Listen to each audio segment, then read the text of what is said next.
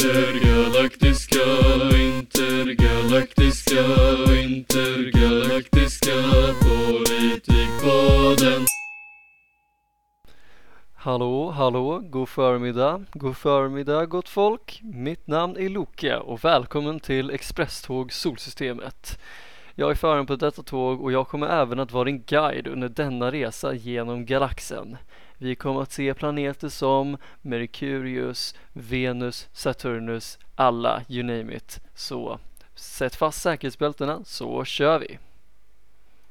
Detta är Loke på ESB 229. Är vi klara att åka? Invänta grön signal. Ja, ESB 2009. Ni är klara för att åka en grön signal. Så lycka till på resan.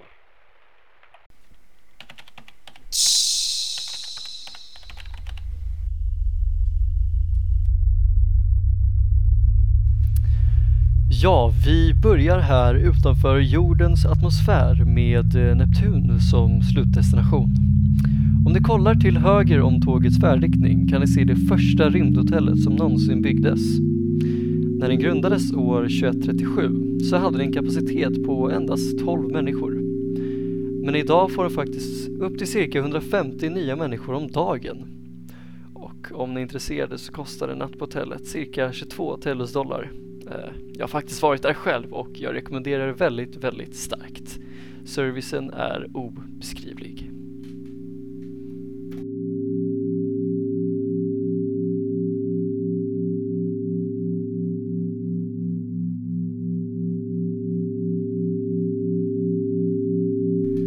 Här till vänster i tågets färdriktning, om ni kollar ut, ser vi det första kärnkraftverket som någonsin tillverkats utanför jordens atmosfär.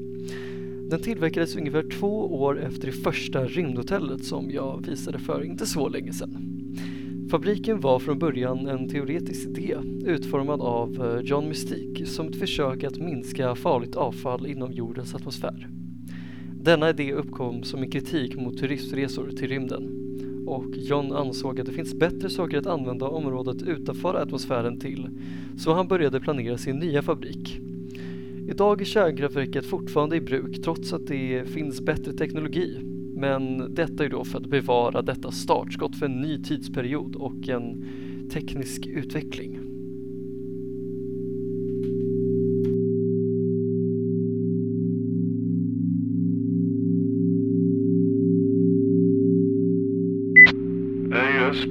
ESB 229. Ni har ett inkommande tåg från eh, minus 45 plus 25 10 kilometer framöver. Var vänlig vidta lämpliga åtgärder. Ja, det är uppfattat. Jag kommer att manövra plus 15 plus 5. Har du det? Plus 15 plus 5. Ja, det är uppfattat. Ska vi se. Och ni är klara för att manövrera.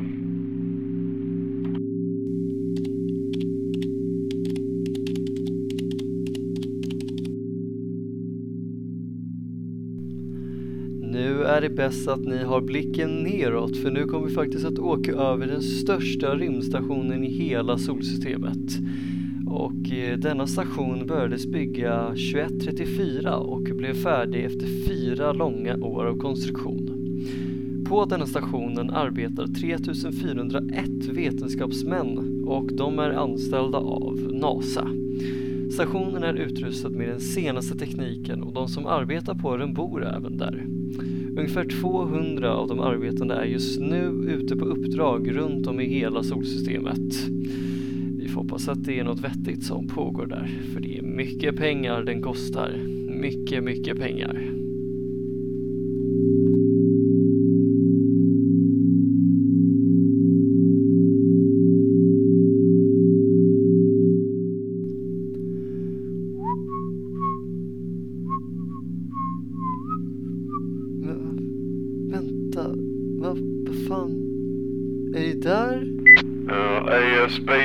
229. Ni är på en kollisionskurs med ett ankommande tåg.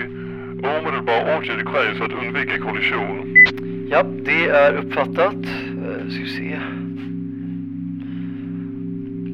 Uh, Det går inte att ändra kurs verkar det som. Gravitationen från Mars är alldeles för stark för att få tåget att vända.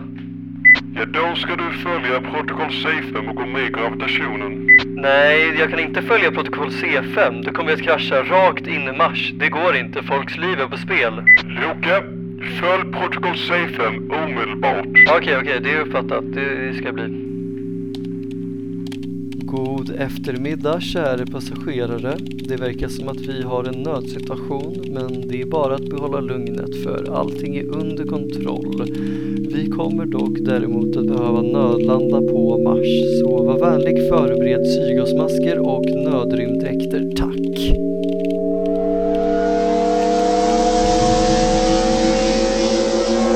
Kära passagerare, jag är ledsen att meddela men det verkar som att kollision är oundviklig.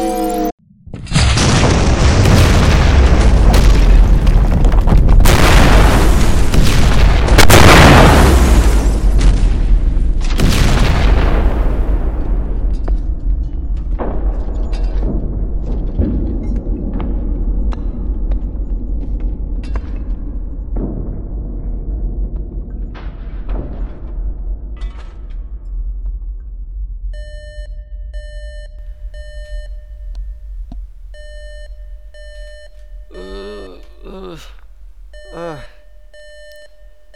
uh. Ooh. Wow. Okej. Uh. Okej, där.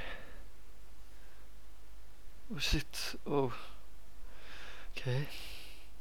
Ett, två, tre. Ah. Uh. Mm, mm. Okej. Okej. Allting är under kontroll. Allting är under kontroll. Okej, okej. Hallå, det, detta är Loke, tågföraren på E ES B1229. Finns det någon mottagare? Hej Loke, mitt namn är Oskar. Vi har plockat upp din nödsignal och eh, hjälp är på väg mot olycksplatsen. Först och främst måste vi kolla, har du några allvarliga skador? Nej, det verkar som att krockkudden har fungerat rätt bra. Jag har bara ett brutet ben, men jag tog en ER-spruta, så det, det är nog lugnt. Superbra Loke, det där är utmärkt. Eh, Jag ser här på min skärm att du kör ett passagerartåg. Ser du några fler överlevande i din närhet?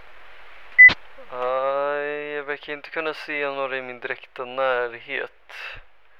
Det verkar som att min vagn har separerats från resten av tåget.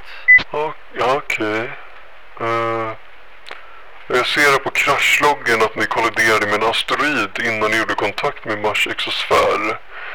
Detta måste ha separerat tågets vagnar. Det verkar dock som att bara din vagn lossades. Då ska vi se. Ja, enligt ritningarna jag har på tågets modell så borde det finnas nödmåttskåp i förarhytten. Eh, Loke, kan du se det? Uh, ska vi se. Ja, ja, jag ser det här. Det verkar som att det är oskatt. Så det borde vara ett gott tecken i vart fall. Okej, eh, perfekt. Patrullerna är fortfarande några mil bort så det kan ta lite tid innan de anländer. Fungerar alla nödsystem som de ska? Ja, det verkar som det. Syreomvandlaren är igång. Eh, nödbatteriet fungerar. Skärmarna är hela och läkeskåpet står kvar. Vagnen är hel. Så det verkar som att allting fungerar. Jag tror inte något annat. Jättebra Loke. Eh, Jag finns med dig här hela tiden tills hjälp anländer såklart. Om du behöver något eller undrar något är det bara att kontakta mig på radion. Hjälpen är inte så långt borta. Se bara till att stanna i vagnen nu. Jo, det, det är nog smartast. Ja, tack, tack så jättemycket för hjälpen Oskar. Verkligen, tack. Ett litet tag senare. Eh, du Oskar, det verkar som att din hjälp inte behövs längre. För det verkar som att hjälpen har anlänt. Så jag får bara se till att tacka för allt du gjort. Eh, vänta, vad sa du nu Loke? Alltså patrullen, den, den är här nu. Du Loke, det där kan inte vara patrullen. Jag ser på skärmen att de är 34 minuter bort. Men vilka är det här då? Eh, ja, det, jag hoppas att det inte är det, men det kan vara plundrare. Så vad du än gör, dra inte uppmärksamhet till det. Okej, okej. Jag, ska, jag ska försöka vara tyst.